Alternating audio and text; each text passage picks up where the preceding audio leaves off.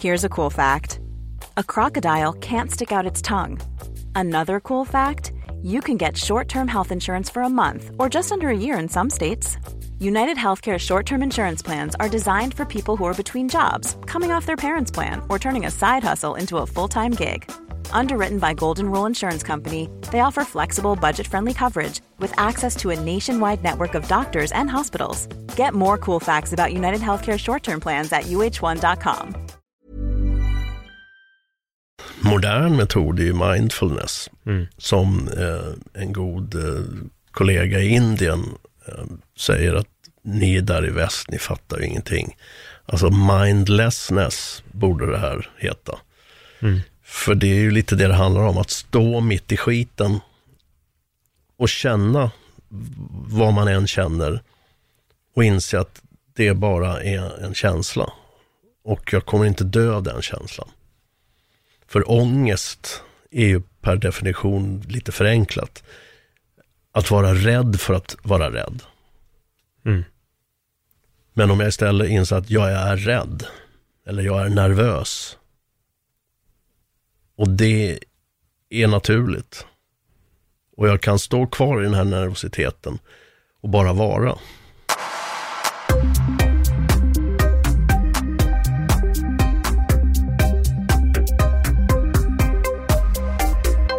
Pio Lindvall, välkommen till Öppet sinne. Tack så mycket. Det här ska bli superspännande tycker jag. Jag älskar allting som har liksom med, eh, vad ska man säga, hjärnan och hur vi tänker och funderar och hur vi kan förändra det tänket och de funderingarna. Du är doktorand, coach och ledarskapsutvecklare. Vad innebär det? Ja du, det undrar jag fortfarande. ja, och det ligger lite i den, även om det var ironiskt, så är det ju, vi pratade lite innan, det är en, det är en ständig resa. Man söker ny kunskap hela tiden. Som forskare så är ju verkligen det man gör. Försöker titta på vad, vad är det faktiskt som fungerar. Ja, och i rollen som ledarskapsutvecklare så träffar jag en massa människor och jag minns ett tillfälle en eh, rektor för en skola som säger så här. Ja, men jag gjorde så här första året. Eh, Då var det struktur och ordning och så. Och nu år tre, nu vågar jag släppa taget lite grann. Nu, och de klarar sig ganska bra själva. Och hur vet du att det var det som krävdes? Ja, men jag gjorde så här och jag visste att det skulle... Ja, men hur vet du det? Hon hade ingen aning. Mm. Givetvis. För hon körde bara på som hon alltid har gjort. Och det är ganska vanligt. Eh, hur, de flesta lär sig ledarskap genom att de jobbar för en ledare. Och så gör de likadant. Eh, annat kort story. Ja. en kvinna som jag jobbade med som var ledare på en supportavdelning i IT-företag. Eh, och eh, hon vantrivdes. Hon började fråga lite då, liksom, men hur, du, hur har du lä- lärt dig ditt ledarskap? Nej, men jag har ju lärt mig av chefen här. Han är ganska kontrollerande, command and control-ledare. Um, Okej, ja. Har du upptäckt, har du sett något annat? Ja, vi fick ju in en annan chef på en annan avdelning faktiskt förra året. Det är mycket roligare att jobba för honom. För han ställer ju faktiskt frågor och gör oss delaktiga. Och då var följdfrågan, vilket sätt skulle du föredra idag? Ja, men det andra är ju mycket trevligare. Det är inte bara trevligare, det är mycket effektivare. Och det är lite det den där boken Coachologi handlar om, som jag skrev redan i början på 2000-talet, kom ut 2005. Ja, och det här är ganska typiskt att de flesta har inte gått någon ledarskapsutvecklingsprogram. Och de som har gjort det, tror att man gått till ledarskapsutveckling. Och oftast har de inte gjort det, utan de har gått mot annat program som handlar mer om självinsikt eller personlig utveckling, som är viktigt också, men det handlar inte om ledarskap. Eh, sen är ju så forskningsvärlden idag sågar ledarskapsindustrin ut med fotknölarna. Alltså allt från professorer på Harvard till professorer i England. Eh, en av de mest meriterade handböckerna i coaching psychology, eh, eller nej, ledarskap, leadership. Eh, så Mats Alvesson, bland annat svensk forskare, eh, tillsammans med ett gäng, menar att det finns ingen, eller det finns givetvis exempel, men mainstream ledarskapsutveckling, man kan inte mäta några resultat av det man har gjort. och det är det jag intresserar mig för idag, det är det jag forskar på. och det, där vill jag inte se bara att de som har gått programmet är nöjda själva. Jag vill se att vi kan mäta en beteendeförändring hos dem. Att de verkligen har utvecklat sitt ledarskap. Men jag nöjer mig inte där. Jag vill se att de de leder blir bättre på sitt jobb. Och så försöker vi mäta det också, och det har vi gjort. Mm. Jag avslutade en modul 10, ett program som har gått sedan i oktober då med ett gäng och det var tredje årskullen på det företaget igår. Eller den organisationen ska jag säga. Som är inom säkerhet och skydd och, och där har man alltså utvecklat en, börjat utveckla ska jag säga, en ny kultur, mer av vad jag kallar en coachingkultur. Och när vi då har mätt vad det innebär på eh, utvecklingsnivå för individen, alltså inte ledarna utan de de leder. Då säger eh, de personerna att, vi mätte så här, frågar liksom, hur mycket har du utvecklat din kompetens det senaste året? Eh, och så ett antal följdfrågor då. Eh, din förmåga att eh, ta egna beslut och initiativ, vara flexibel och läsa av situationen. En del sådana här saker som är viktiga i nästan alla yrken.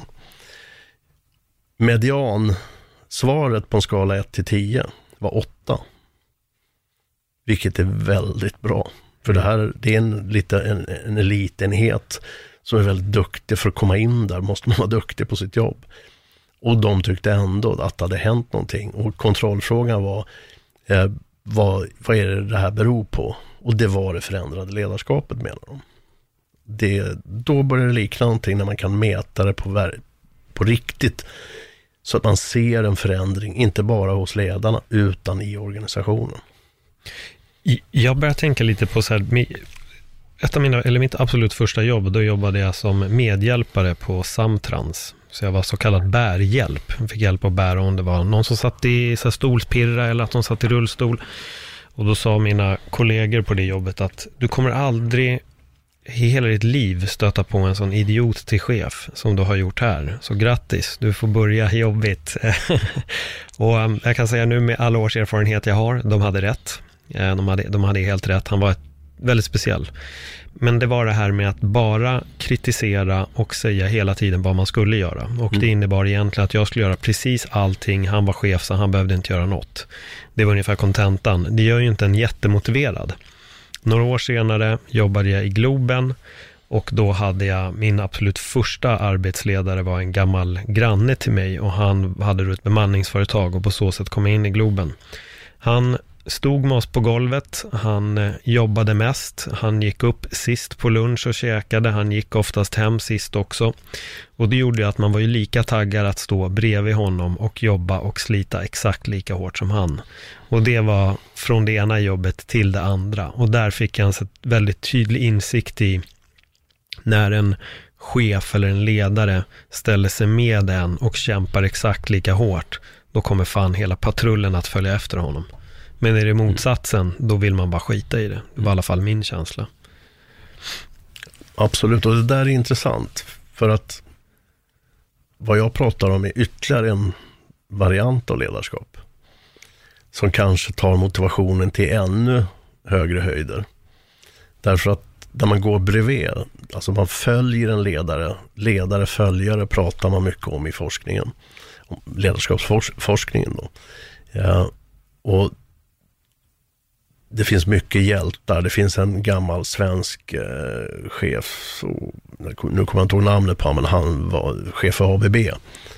Jag fick ett avgångsvederlag som var hutlöst, men som gjorde, använde pengarna på ett bra sätt. Men han var verkligen sån som sprang först och sprang dubbelt så snabbt som alla andra och fick otroligt mycket gjort. Och det var ganska kämpigt för folk att hänga med.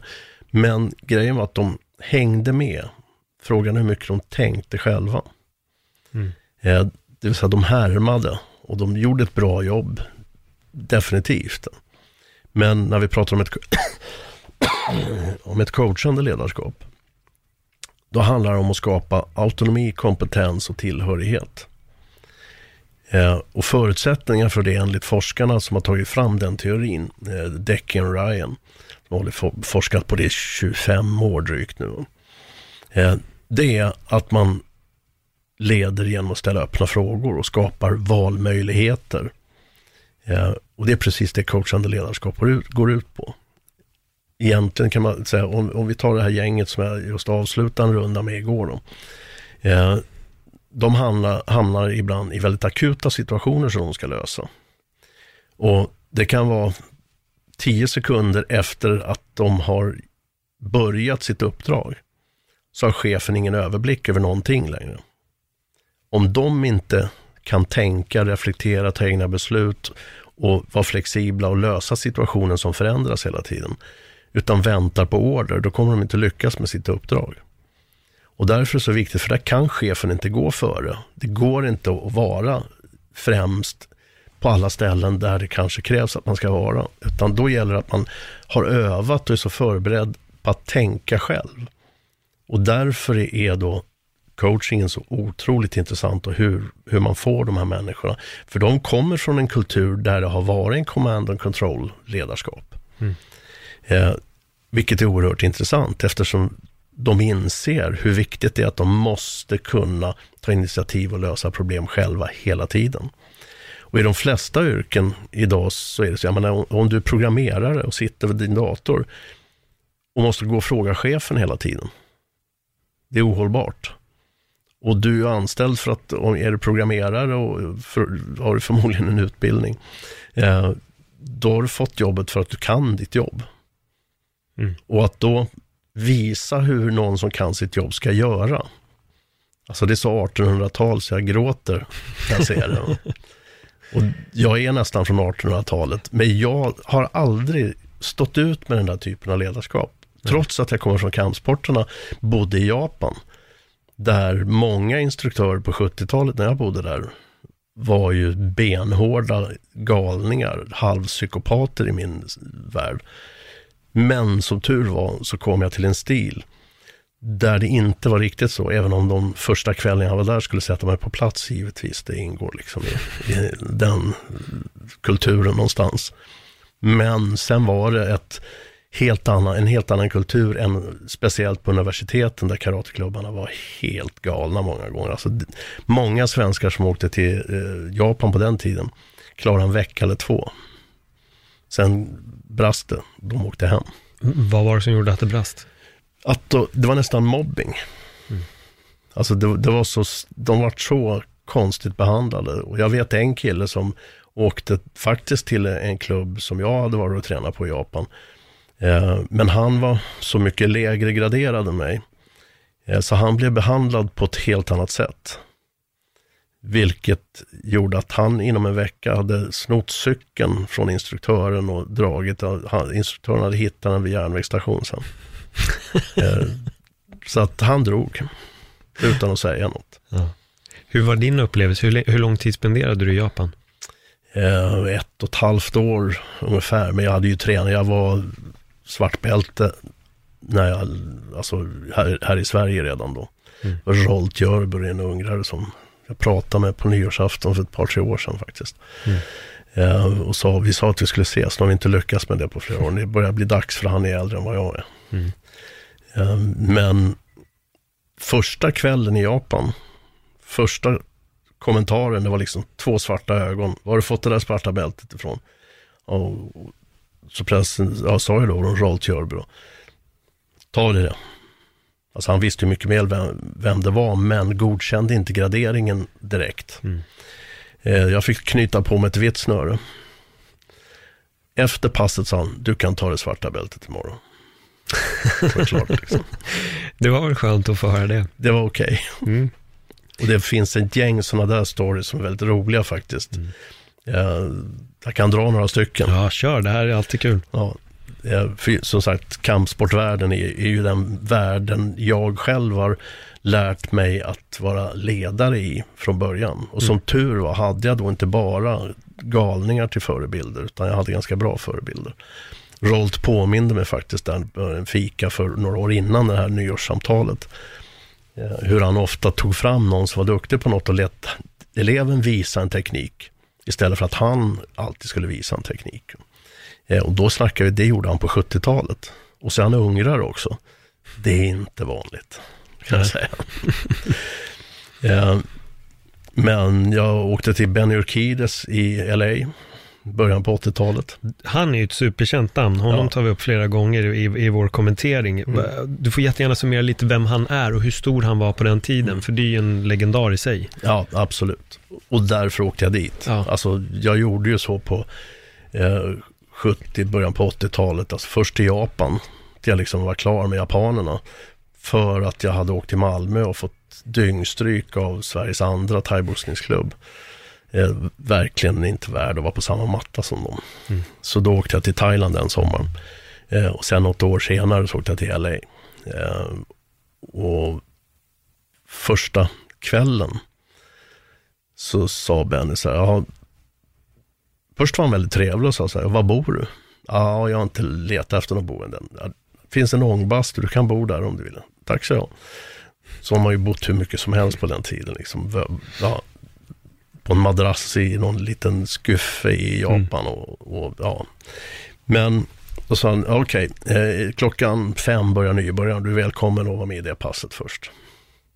Okej, så jag. Jag hade ju presenterat min historia, så han visste ju att jag, jag var väl, ja, jag hade ett antal dangrader, vad de nu är värda i kickboxing, det kan man ju undra. Men jag hade tränat i Thailand och så vidare. Så att, eh, men okej, vi börjar där då. Efter nybörjarpasset sa han, Hör du, vi kör ett avancerat pass efteråt där, du kan vara med där också. Och så efter det passet sa jo hörru, vi ska ha någon uppvisning i Kickar Robox om eh, en vecka eller så på någon tv-kanal. Eh, så vi kommer köra lite ja, Kick Aerobics, gympa, kickboxing, mix. Sådär. Du får vara med då också om du vill. Ja, för fan, så. Tre och en halv timme senare så var jag i varje fall lite svettig. Och då så sa han så här, "Hör du, proffsen tränar klockan ett imorgon, du är välkommen då också. Tack så. det gick snabbt. Ja, det gick ganska snabbt, vilket jag uppskattade. Mm. Så att han var inte dum, utan han var bara liksom, ja, visa vad du kan. Men han är en speciell människa, för jag, alltså han... alltså Jag är fortfarande så pass eh, gammal och ung att jag ändå vet vem han är. Och eh, han är ju en förebild för väldigt, väldigt många och gjorde ju sig verkligen ett namn jättetidigt. Men hur, hur kom du... Hur kom du i kontakt med honom och eh, liksom tog dig dit? Eh, ja, vi hade ju sett, jag vet inte riktigt hur man fick tag på saker då, men vi Nej. hade, utan YouTube fick vi tag på filmer. I VHS till och med Betamax nästan. Förmodligen, Ja, något sånt. Eh, så det fanns ju någon, någon sätt att se saker då. Eh, oftast så hade kanske någon spelat in från någon kanal någonstans, vad det nu var.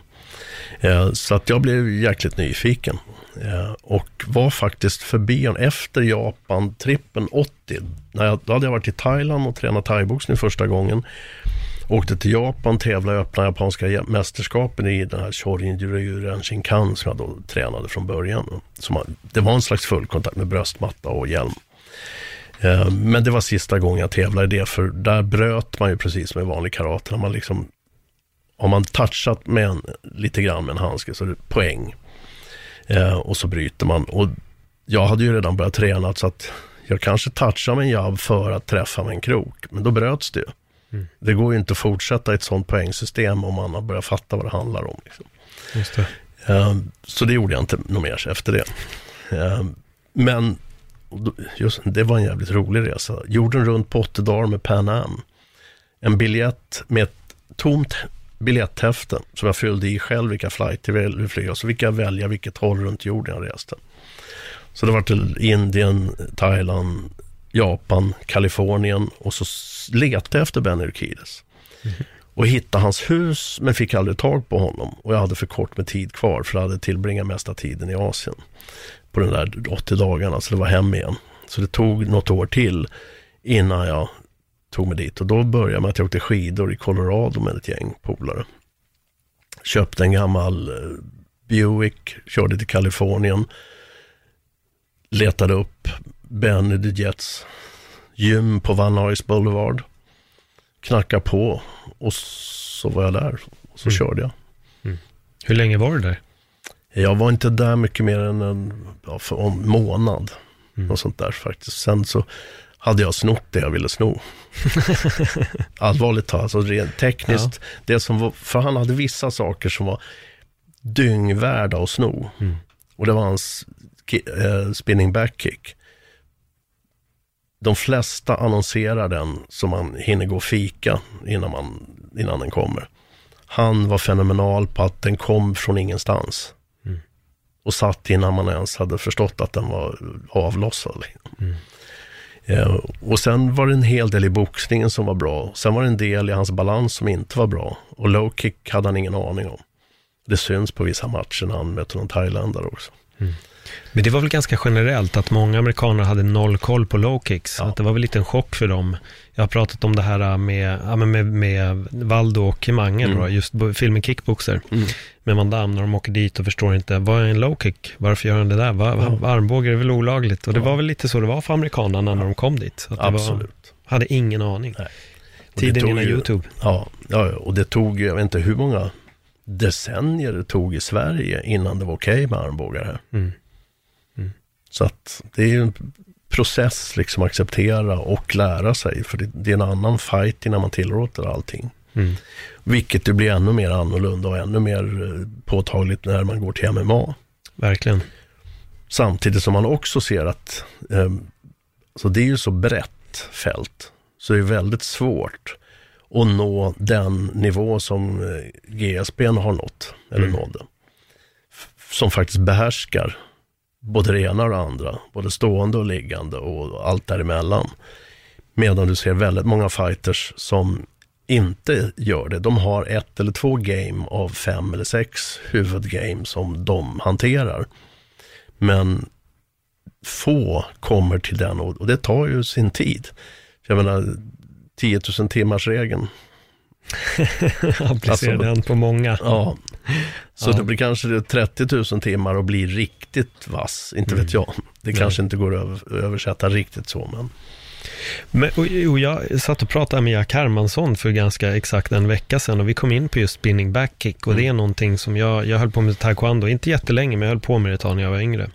Och det var en av mina favoritsparkar att utöva. Jag tycker den är superrolig. Och det är en spark som förvånar mig att den inte utövas mer i MMA. Jag anser fortfarande att sparkgamet är där det ligger lite efter. Det är några som har kommit in som är fantastiska med sina sparkar. Men de går i princip att räkna på en hand än så länge. Och jag tror att när det vapnet implementeras ännu mer eftersom att just MMA växer och växer hela tiden. Då tror jag att det kan bli en, ja det blir mer spänning. ja. Men grejen är att det krävs något fruktansvärt mycket av den som ska använda den tekniken. Jag har faktiskt nyligen sett den på en eh, Superior Challenge-gala. Mm. Eh, Där den utfördes väldigt bra. Mm. och träffade och gav ordentlig effekt. Eh, men det går inte med en taekwondo-version av det. Mm. Ja, en lite modifierad kanske. Eh, men det, det jag menar är liksom, du, du måste förändra balansen. Eh, och eh, jag har skrivit lite om det här på Fighter Mag i en av krönikorna. Och, och tog som bildbevis en fight mellan Martin Holm, som jag hade glädjen och äran att träna under hela 90-talet Mm. och som sen tyvärr tog sitt liv 2009, så det är tio år sedan i år. Eh, Och det tog fem år innan jag klarade av att starta det vi kallar Martin Holms minne nu. Då Ja, för att hedra honom. Eh, Men den bilden han möter Feitosa är väldigt intressant. Den finns på YouTube för de som vill titta på den. Titta på Feitosas stans och balans. Han står som en lyktstolpe har ingen chans. Och Martin är helt för jävlig i den matchen. Mm. Eh, tittar man sen på Feitosa några år senare då har han lärt sig att man kan inte stå som en eh, lyktstolpe rakt upp och ner. Man måste hitta fram med axlarna, fram med höften, stå lite på tå så att man får med sig tyngden. Och det är inte taget i MMA. Vi kan ta mm, ett favoritobjekt och kritisera McGregor. Jag menar, han, han träffar jättebra, han har bra timing när någon dyker in i hans hand. Mm. Jag har inte hittat någonstans när han har knockat utan att han har utnyttjat det läget. För när han själv går in och anfaller, då står han för rakt. För mycket traditionell stans för att det ska fungera under alla omständigheter, inte bara under en kontring. Mm. Vad tror du det som gör att eh, folk inte, eller har svårt att komma in i det? Trots att han är öppen så går de ändå in i fällan. Är det att han sätter upp det på rätt sätt? Eller? Det jag har tittat på är ju intressant, för många av dem, som, speciellt när han råkat knocka någon, mm. det är att de inte kan det stående gamet tillräckligt bra. Mm. Utan de dyker för att försöka ta ner honom. Och han har bra timing i det läget, så när de är på väg in, då har han lyckats träffa. I varje fall några. Mm. Eh, Sen har han säkert, jag har inte tittat på alla hans matcher, men just det där var väldigt tydligt. Mm. Att han lyckas då. Och någon skrev så här att han skulle leka med Mayweather. Och jag, ba, jag bara garva. Alltså där, den där resan har vi gjort många gånger. Mm. Eh, boxningen är överlägsen i stående fight överkropp. Punkt. Mm. Jag, jag, tänker lite på det här, han har ju en, en otroligt eh, självförtroende och en jävla tro på sig själv och är ju expert på att visualisera, inte bara fight, utan även sin hela framtid. Och hur, hur ser du på den biten ur honom, just den här, som man säger, mentala styrkan som han på ett sätt ändå besitter, om vi nu skalar bort hela fighting-biten. Men ändå här... Är vi kvar på McGregor eller? Ja, ett, lite på McGregor, för, för jag tänker lite dels hans, för det här är något som särskiljer liksom fighters och idrottsmän överlag. Att vissa när de kliver in på vilken arena det än nu är nu, vilken idrott det än är, så är det vissa som, de kommer verkligen hem och känner sig oerhört hemma i den här miljön och de växer och växer och blir så mycket, mycket bättre. Kan man öva in det här på folk som inte riktigt besitter den biten? Ja, det kan man absolut göra. Mm. Alltså det, först bara kan inte låta bli att vara lite elak. Eh, jag undrar hur han tänkte och visualiserade när han vid någon buss under någon arena betedde sig som ett svin. Det var jävligt illa planerat skulle jag säga. Jo, nej men det var det ju verkligen. Det var nog mentalt game på fel, helt fel plan om man säger så. Under arenan är alltid fel arena. Ja, ja. Och sådana stant som man pysslar med mm. där är liksom... Nej men det är ju bara sjukt. Ja. Så jag vet inte riktigt om hans förmåga att visualisera därför är liksom trovärdig, om vi säger så. ja. Alltså många är ju, eh, älskar ju scenen. Och det gör han säkert. Mm. Så jag tror mer det är det som gör att han glänser. Och jag skulle säga så här, av alla jag jobbar med, och det är några stycken, Eh, sen just då inom det mentala gamet och där jag varit coach och använt idrottspsykologi och kognitiv beteendevetenskap och lite andra verktyg. Eh, 10 av dem kanske alltid är bättre på match än på träning. Men det är inte, det är inte så vanligt, men de finns. Mm. Eh, de har ett annat problem. Och det motiveras att träna tillräckligt hårt på träning. Och försöka verkligen vara vass på träningen. Därför att hur mycket bättre de än är på eh, tävling än på träning, så är det så att det finns någon slags gräns för skillnaden däremellan. Så ska de höja sin tävlingsgame ytterligare, då måste de börja med att höja sin kapacitet och förmåga och skicklighet på träning också.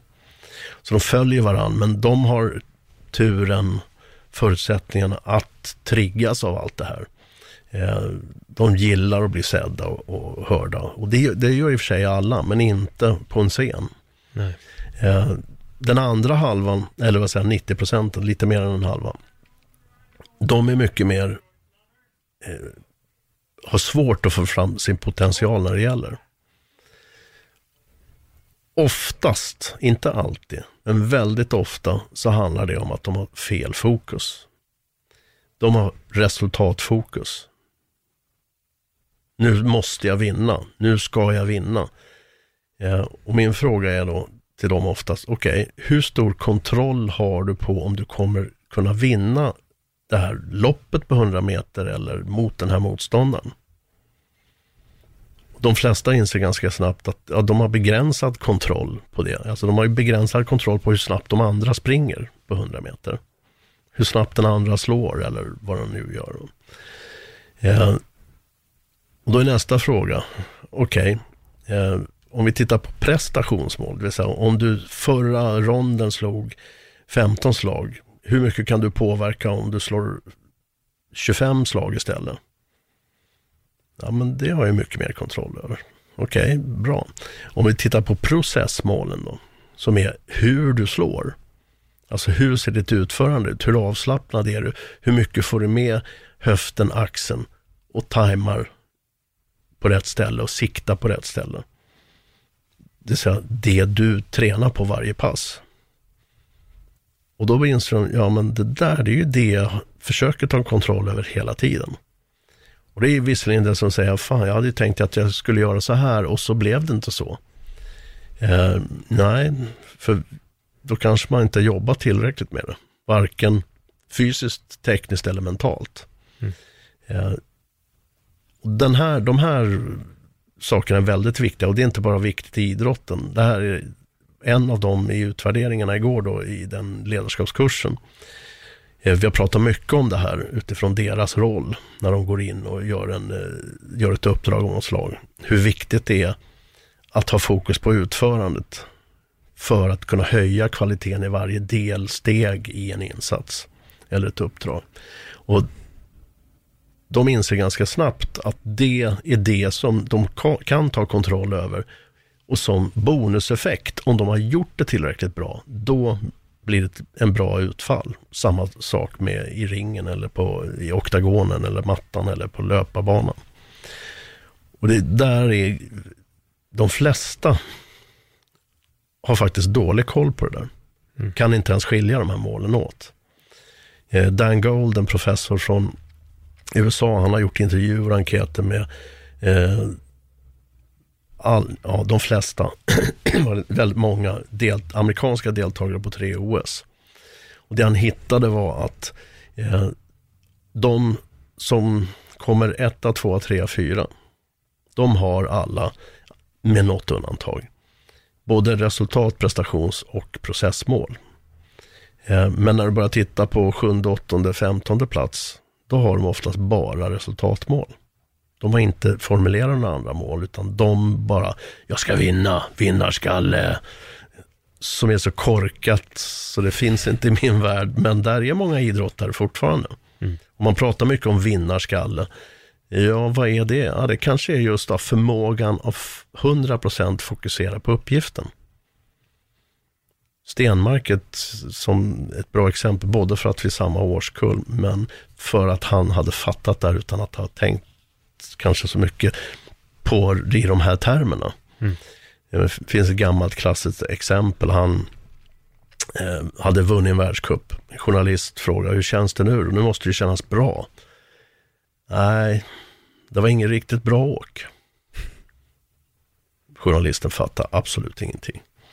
Nästa helg så tar Stenmark bara silver. Samma journalist. Eh, ja men nu kan det inte kännas bra när du bara kom tvåa den här gången. Du vann ju förra helgen. Jo, det var ett riktigt bra åk.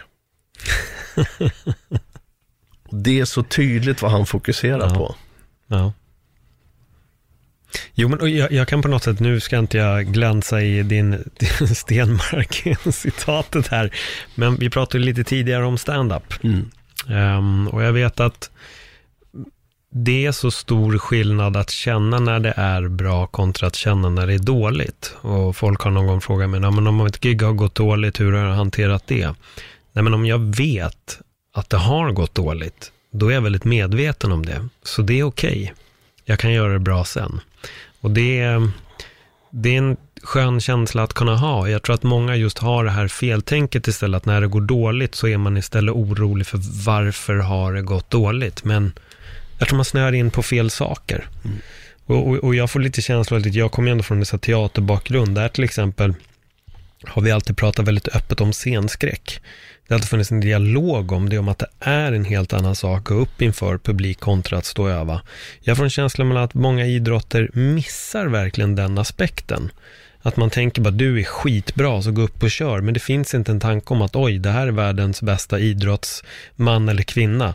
Men den får panik när det är inför publik. Och, och det är en helt annan faktor som, som kickar in där. Mm. Jag tror också lite som du säger, det gäller att ha rätt tankar till varför man gör det. Jag fann den där är klockren med Stenmark. Det här var ett mm. bra åk och det här var inte ett bra åk.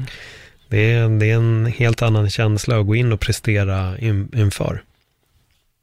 Och det, det, om jag kopplar ihop två saker som du har mm. pratat om. Eh, just det där att du vet själv, oftast när du inte har gjort ditt bästa. Eller vi, de flesta av oss vet det. Mm. Inte alla, en del har noll självinsikt. Men mm, det är ja, jo, tack. ja, och då har en chef som du berättade om tidigare, som kommer och rättar och, och säger till dig hur du ska göra. Ja, fast du redan vet det. Det är både respektlöst och korkat. Ja, jag skrev en blogg nyligen just om feedback. Eller feed forward eller formativ feedback. Eller det finns massa namn på det här. Därför man leker lite med de där just för att handlar det om att kritisera det någon har gjort eller handlar det om att få en förändring i utförande framöver. Eh, men så kan vi ta det ett steg till. Den där chefen som kommer rätta och sa, nej du ska göra så här istället det enda som händer med min motivation då, jag tror mångas andra motivation, det är att den tvärdör. Mm. Eh, om man då istället, om man är ledare eller coachande ledare eh, och en medarbetare har gjort ett sopigt jobb och så sätter man sig och säger, okej, okay, hur tyckte du att det gick egentligen?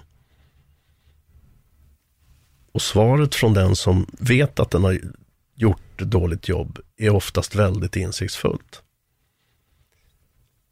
Och då plötsligt så kommer det från en själv. Och som ledare har du autentiskt visat ett intresse för vad den andra tycker.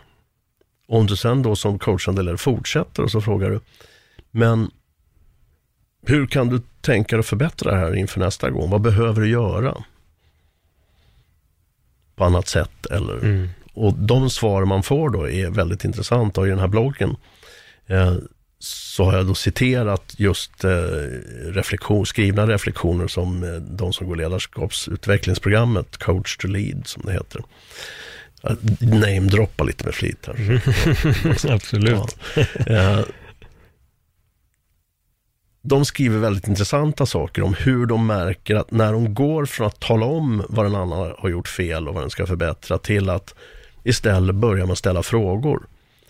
Och sen möjligen, om den andra inte kommer på något bra, och, och oftast ska frågorna, okej, okay, har du några fler idéer om hur du kan förbättra det här? Så man verkligen tömmer ut den andra skallen. Eh, och om man då som coach eller coachande ledare har ytterligare någon idé så kan man fråga, jag har någon idé till, vill du höra? Då plötsligt så är vi på en helt annan planhalva och spelar ett spel som bygger motivation. Mm. Och förstärker och bygger kompetens och autonomi och tillhörighet på en gång. Det vill säga en inre motivation. Plus att kompetensen ökar och förmågan att hantera olika situationer. Om vi nu backar tillbaka det här till kampsporten. Eh, många coacher eh, gapar och skriker som galningar och ska styra fighten i ringen. Alltså glöm det, säger jag. Det är så korkat så det finns inte. Om inte fighten kan ta egna beslut och lösa problemet under fight, då är han inte på någon världsnivå. Mm. Ja, för det går för snabbt. Sen finns det påminnelser och råd man som coach kan komma med, allt. men framförallt kanske man kan göra något i pausen mellan olika ronder och sådär. Men Eh, och jag skrev faktiskt en blogg på Dagens PS, eller en krönika, förra veckan. Så där jag citerar Tommy Sandlin, gammal hockeylegend, hockeytränarlegend, Tre Kronor. Och som just säger det här, eh, coachens roll överdrivs ofta.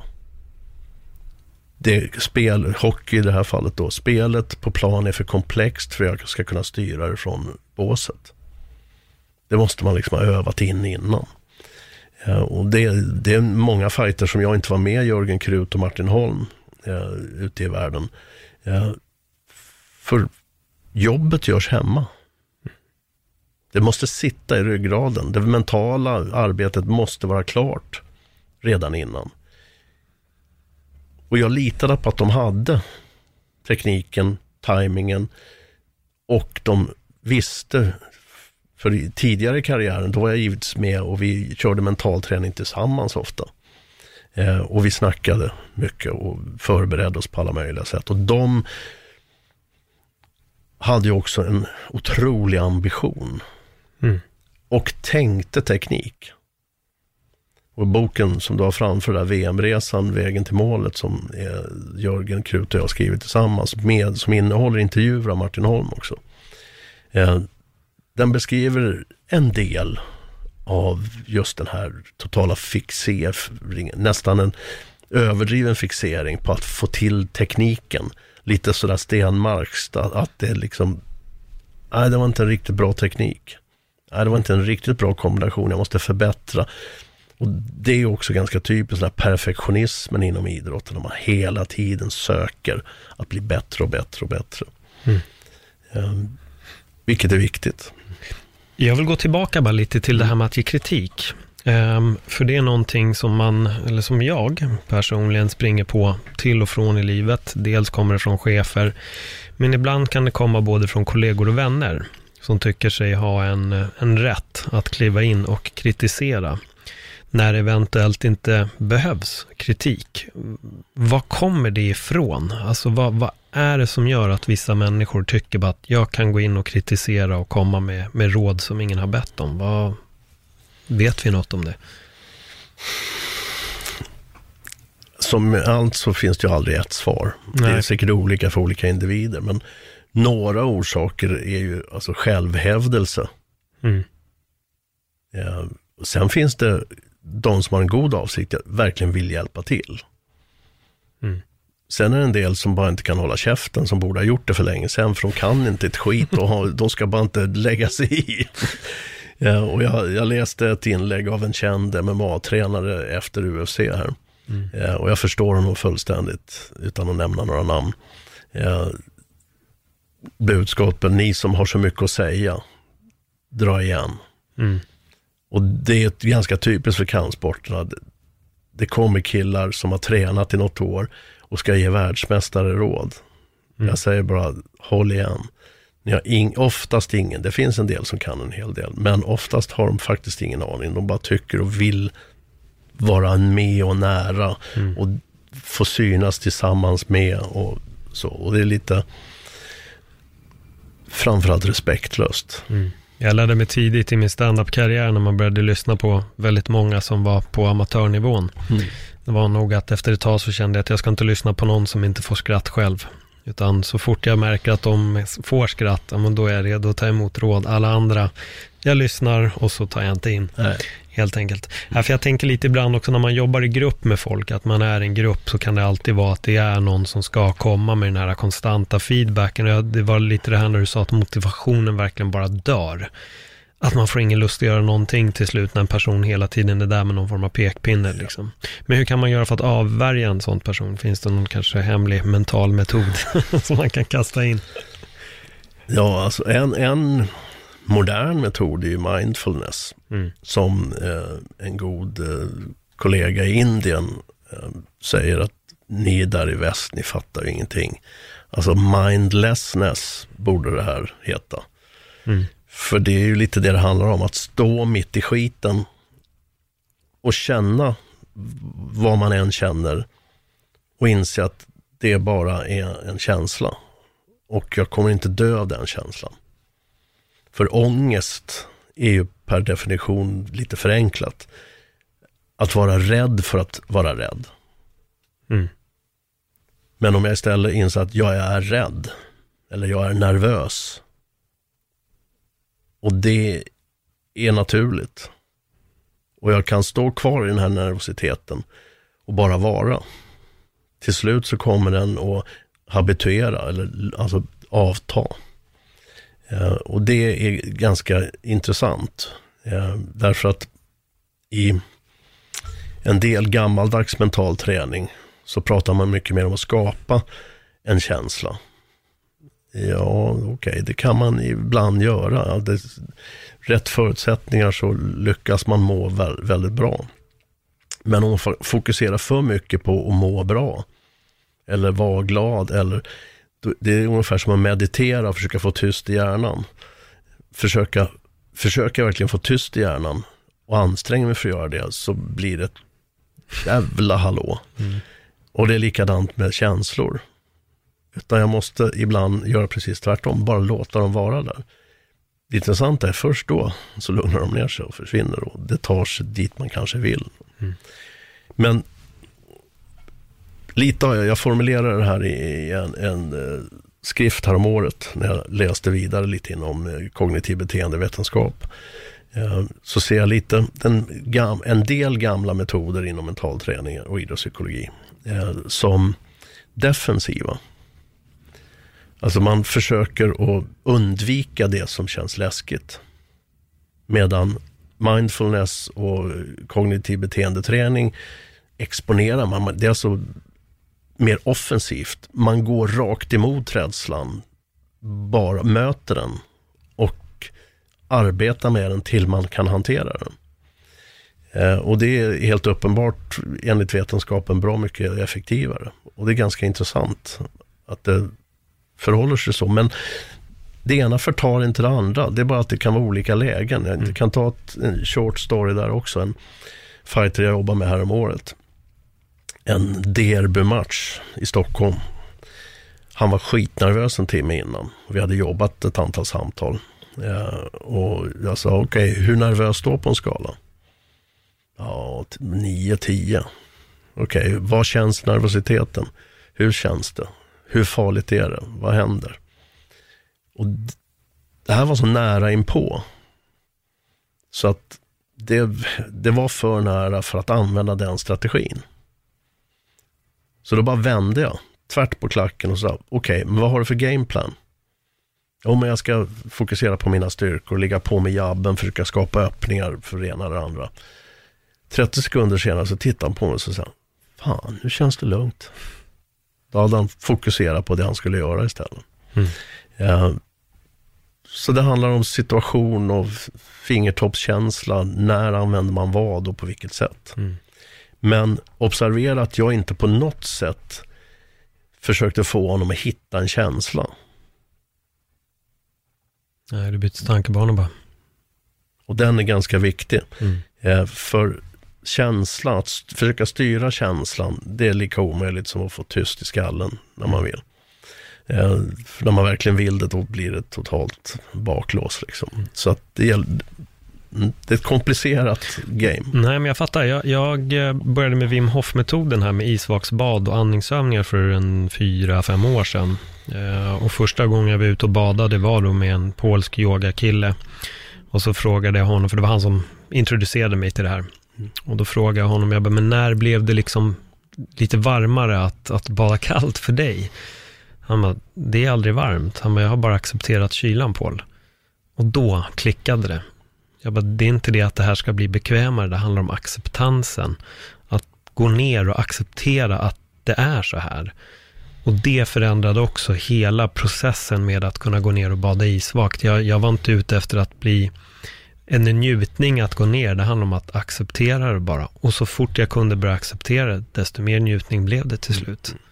Och det är, där har jag verkligen själv bemött det här med hur med två olika tankesätt, hur det förändrar hela scenariot. Mm.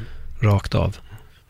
Är det något du har provat i isvaksbad kanske? Eller, för du som ja. jobbar lite med det här, för, det, för, för jag tänkte för mig, det blir ju lite kognitiv eh, eh beteendeterapi på något vänster.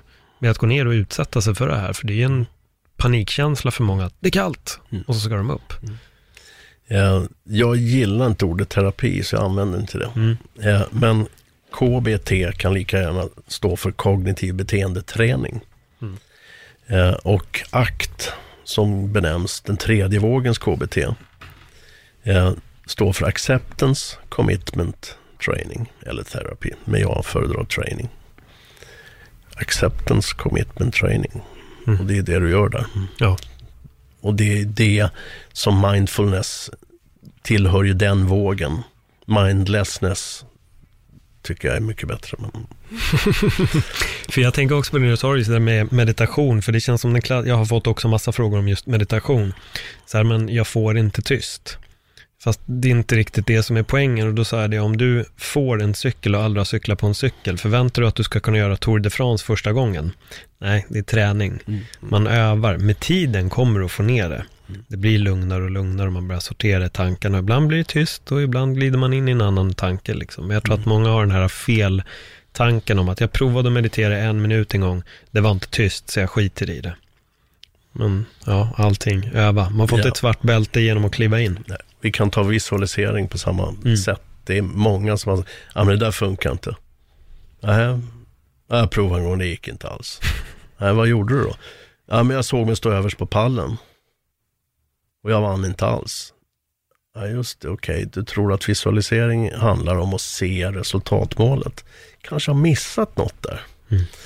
Eh, och vid ett tillfälle, med, jag jobbar ju med MMA-landslaget, amatörlandslaget i några år. Eh, och vid en samling eh, så var det en kille som sa, nej det där funkar inte. Nej, hur menar du då? då? Ja men det går ju inte att tänka sig i en kronologisk ordning vad man ska göra inför en match. Nej, det har du helt rätt i. Det är klart det inte går. Så hur kan man göra istället? Ja, det vet jag inte, det funkar inte. Ja, men jag har ett förslag. Om du istället ser det som att du visualiserar en massa små sekvenser som du egentligen sen kan sätta ihop hur som helst. Så du har ett stort videobibliotek inne i huvudet av kombinationer, försvar, kontringar, eh, nedtagningar, blockeringar, attacker. Och det biblioteket, det förbereder du. Och det, det, är så väl förberett, det är så tydligt, verkar, det här är inte vetenskapligt bevisat, det är en hypotes som jag har tagit av senaste årens arbeten, att ju tydligare man kan se vad man ska göra, inte i kronologisk ordning alls, det kan man om man springer 110 meter häck, för då vet man hur många steg och så vidare. Men alla andra idrotter som inte är så, hockey eller fotboll eller kampsport, ju mer det där biblioteket är förberett och ju skarpare filmsnuttarna är, ju större chans att hjärnan är så programmerad så att den kan gå på autopilot när det gäller sen då finns allt där det ska. Du har givetvis inte bara tränat det mentalt då, men du har gjort det på träningen också. Men där är det många som missar bara gör på träningen. Så mm. tror de att de har förberett sig. Eh, och till och med så, där skriver jag om i VM-resan också just, hur många känner sig så nervösa när de tänker på match. Så de skiter i att tänka på matchen, så de slipper bli så nervösa inför.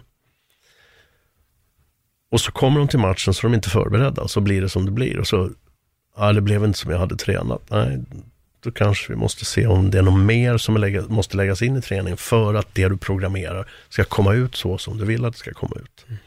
För, för det är någonting ibland som jag upplevt med vissa som har pratat lite om mental träning, att det har varit lite så här att de har fokuserat matchen i ett utspel, men har glömt det som du säger alla andra positioner också. Att man inte bara försöker lösa en kronologisk bit, utan att man måste kanske lägga sig i de jobbigaste positionerna. Hur skulle jag ta mig härifrån? Eller fall den personen tar mig dit, vad gör jag i det här läget? Det känns som att vissa tänker bara, jag tänker mig själv till vinst och så vinner jag. Mm.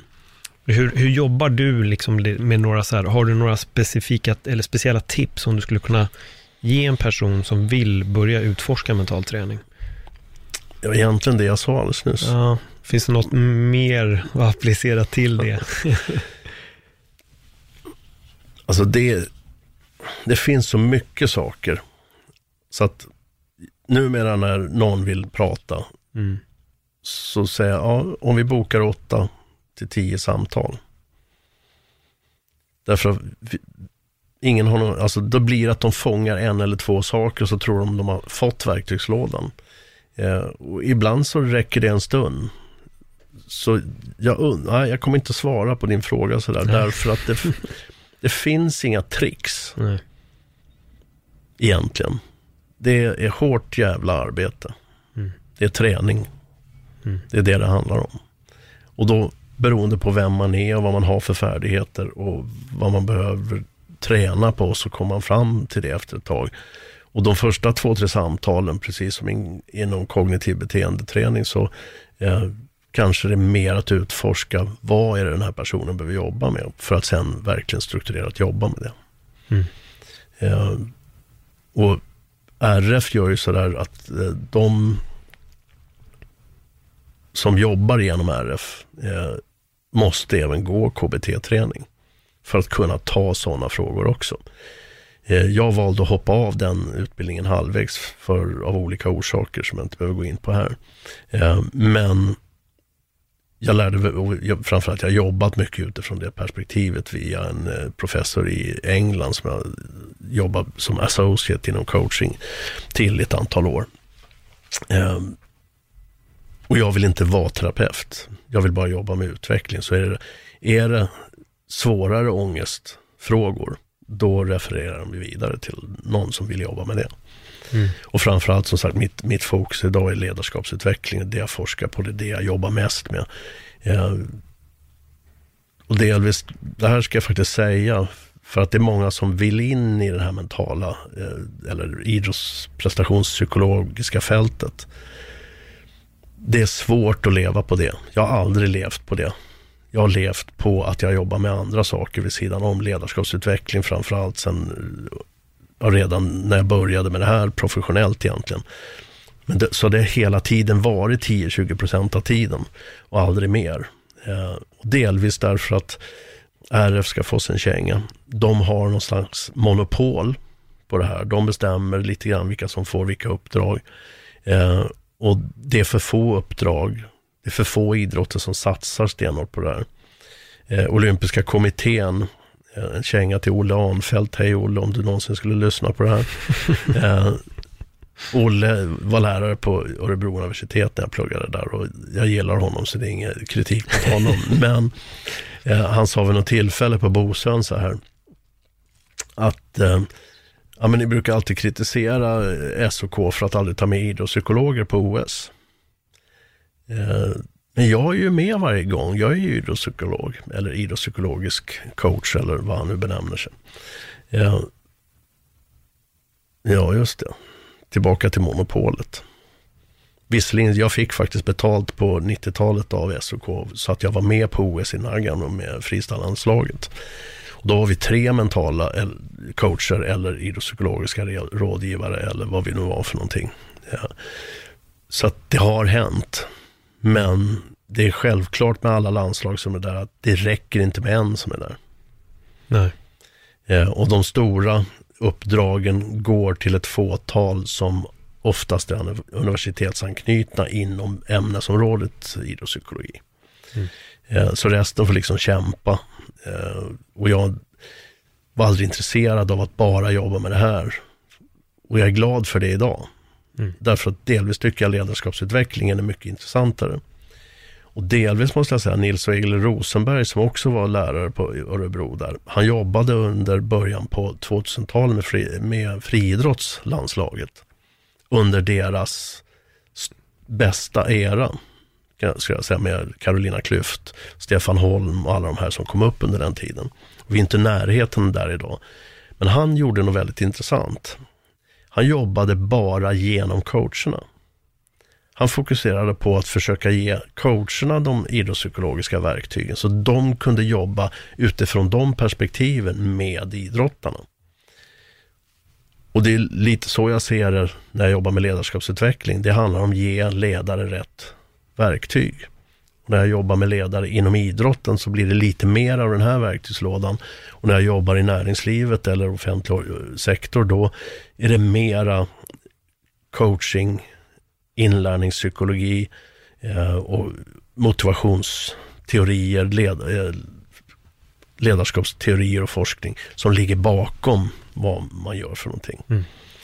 Om du skulle få ge en definition av en bra ledare, vad skulle det vara? Jag, jag kommer citera Jim Collins. Uh, Good to Great kom redan 2001. Ja, jag har läst. Uh, han definierar fyra punkter. Och den, han även definierar fem olika typer av ledare och nivå fem ledare. De leder genom att ställa frågor, skapa dialog, De skapar en blame-free culture. Och de skapar ett en system för röd flagg. Det vill säga att det är okej okay att säga till när det är åt helvete. Här. Ledare som gör det, de är inte bara vad jag tycker. Forskningen säger en hel del nyttigt om hur mycket bättre de lyckas. Mm. Jag kan säga coachologi, den boken handlar egentligen mycket om ett case som jag faktiskt får namnge och det är Scania Chassi i Södertälje. Eh, jag var där och gjorde intervjuer tidigt. Jag gjorde en insats, alltså jobbade med en workshop där i slutet på 90-talet och hörde att det här är något på gång. Så när jag då läste en master i sociologi som var ledarskapsinriktad, eller ja, det var mitt examensarbete handlade om ledarskap och blev den här boken sen, coachologi. Då gjorde jag intervjuer där och jag kollade liksom vad som hade hänt från att jag var där och jobbat. Sen har jag inte kunnat spåra om jag var med och påverkade det här, det har jag ingen aning om. Eh, men man gick från ett peka med hela handen, command and control-ledarskap till att involvera genom att ställa öppna frågor och starta en förbättringsverksamhet på ett år. Från att tillverka 37 lastbilar per dag till 43. Med samma bemanning. Samtidigt som sjuktalen halverades och personalinsättningen minskade från 30 till 6 procent. Det säger någonting om hur mycket mer motiverade medarbetarna i den organisationen blev. Mm. Observera att jag väljer väldigt noggrant och inte benämna dem som följare då. För de är medarbetare, de är med och påverkar hela tiden. Och de, 2011 var jag dit och tittade igen. Då hade man ökat bemanningen från 800 pers till 1100 pers. Tidigare tillverkade man 43 fordon per dag. Hur många tror man tillverkade 8-10 år senare? Jag vet inte, jag vill säga dubbelt, men det kanske är att sikta för högt. Väldigt nära, 80. Åh jävlar. Det är ju en helt eh, och då har, sjuk ja, siffra. Ja, och då hade sjuktalen gått ner 1,2 procent till. Ja. Så motivationen var fortfarande ännu väldigt stark. Men då kan jag då tänka mig att rent forskningsmässigt så ser man att motiverade människor är friska också. Och det, bara titta, det finns någon, eh, faktiskt, jag är, inte, jag är inte så säker på att de här som har skrivit det här fattar så mycket av forskningen. Men de verkar ha läst något. Mm.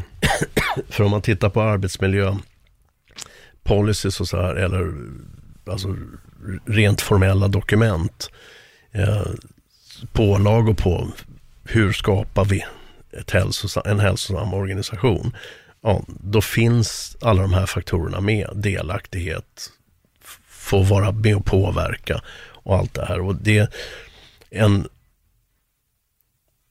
det är oerhört intressant.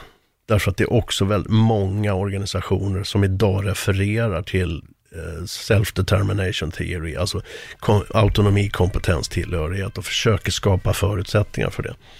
En del har inte förstått riktigt vad man behöver göra för att göra det, men en del har fått, förstått det fullt ut och då påverkar den här inre motivationen mm.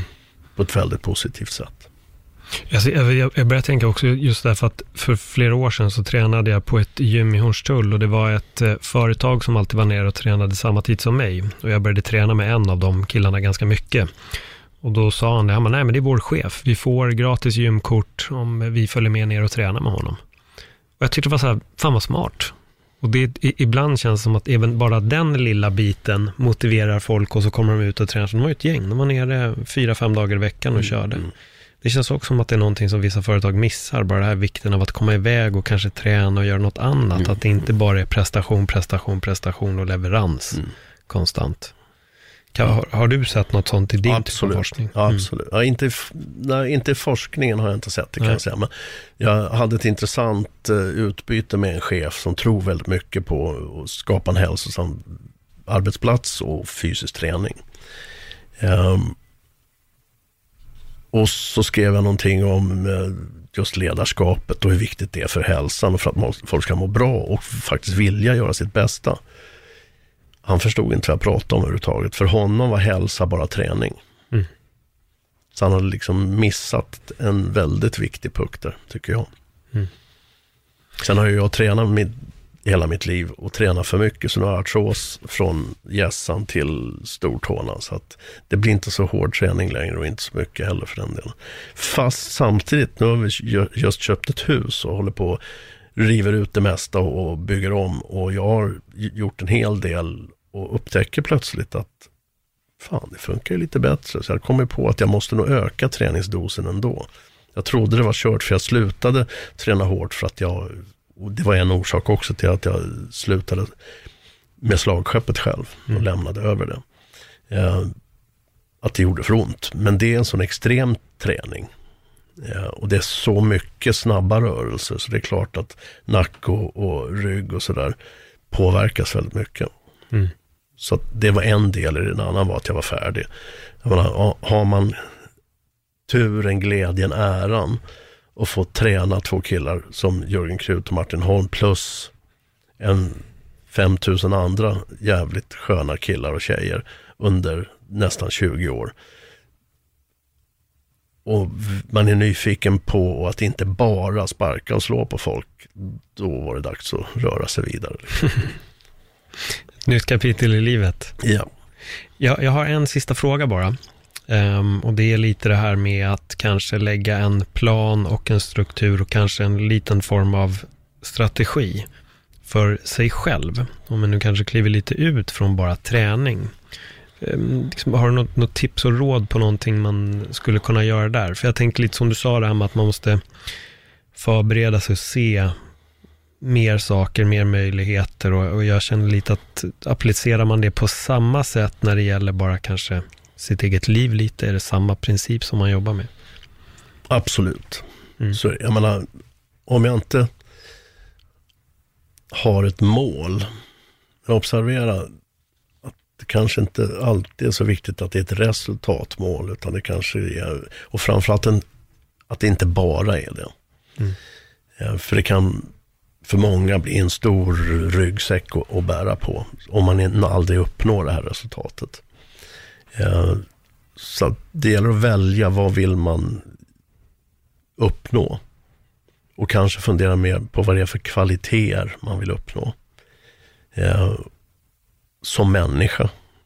I sitt jobb eller i träningsmässigt. Eh, vad det nu kan vara för någonting. Mm. så att man hittar liksom en idé om vart vill jag? Hur ser det ut?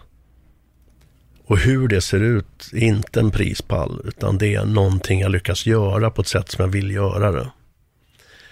Ja, och sen när jag väl liksom känner att, ja men det där, det där, ditåt vill jag. För mig var det från början en väldigt enkel bild. Eh, vilket också är alltså ett syfte med bältesystemen i de japanska och andra stilar. Den där vita gin och det svarta bältet, det var ett, en målbild men den innehöll så mycket. För jag visste precis hur bra man måste utföra teknikerna för att komma dit. För att uppnå den där bilden. Ja, vilket är intressant. Det är ganska, just bältesystemet gör kampsporterna i grunden väldigt processmålsorienterade. Sen när man börjar se det inte bara som en kampkonst utan skiftar över, vilket man gjorde i Sverige under en period, bara ser det som en sport. Och det är lätt att resultaten tar över istället. Så att där finns en viktig del. Vad är det jag egentligen vill bli? Och sen dela upp det då i delmål av något slag. Så att jag kan liksom göra en handlingsplan, bygga en strategi på vad behöver jag göra för olika saker för att komma dit. Mm. Och de är oftast både fysiskt, tekniska och mentala. När man skriver en träningsdagbok, de flesta skriver då bara fysiska. 47 sparkar, 15 benböj och så är de klara. Det saknas saker där.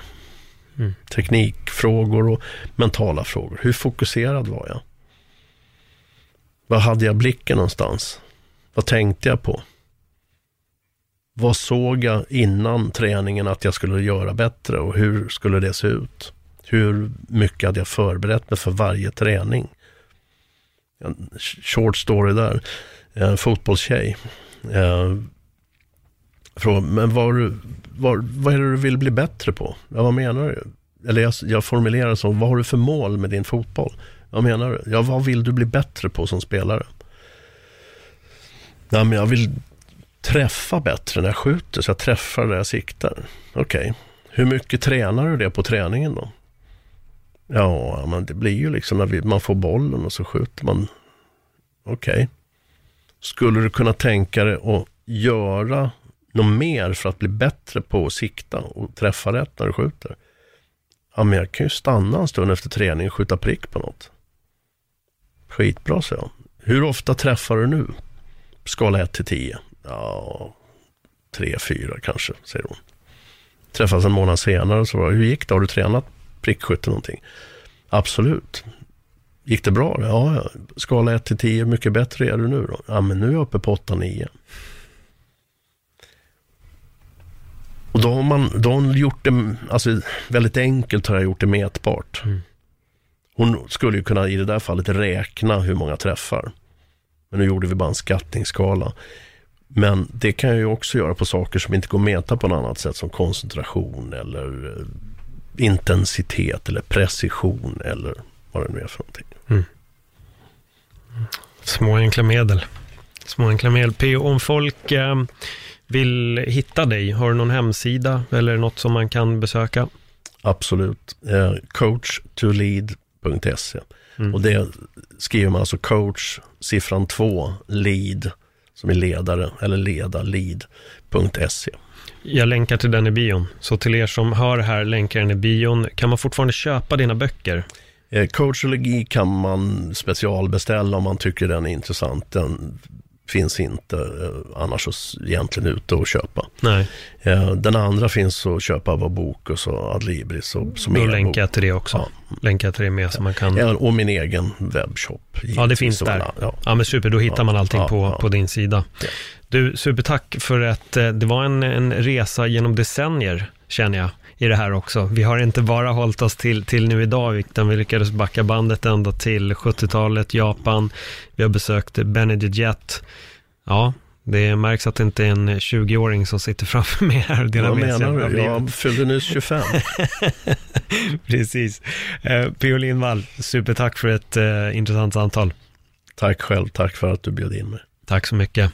Och kära vänner, ja, ha en eh, fantastisk eh, vecka och eh, glöm inte att fokusera på det mentala. Tack för den här gången. Hej då!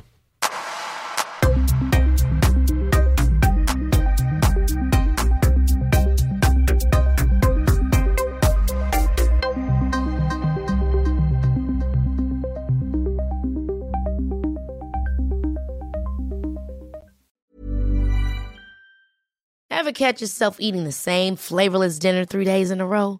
Dreaming of something better? Well, HelloFresh is your guilt-free dream come true, baby. It's me, Gigi Palmer. Let's wake up those taste buds with hot, juicy pecan-crusted chicken or garlic butter shrimp scampi. Mm. Hello Fresh. Stop dreaming of all the delicious possibilities and dig in at HelloFresh.com. Let's get this dinner party started.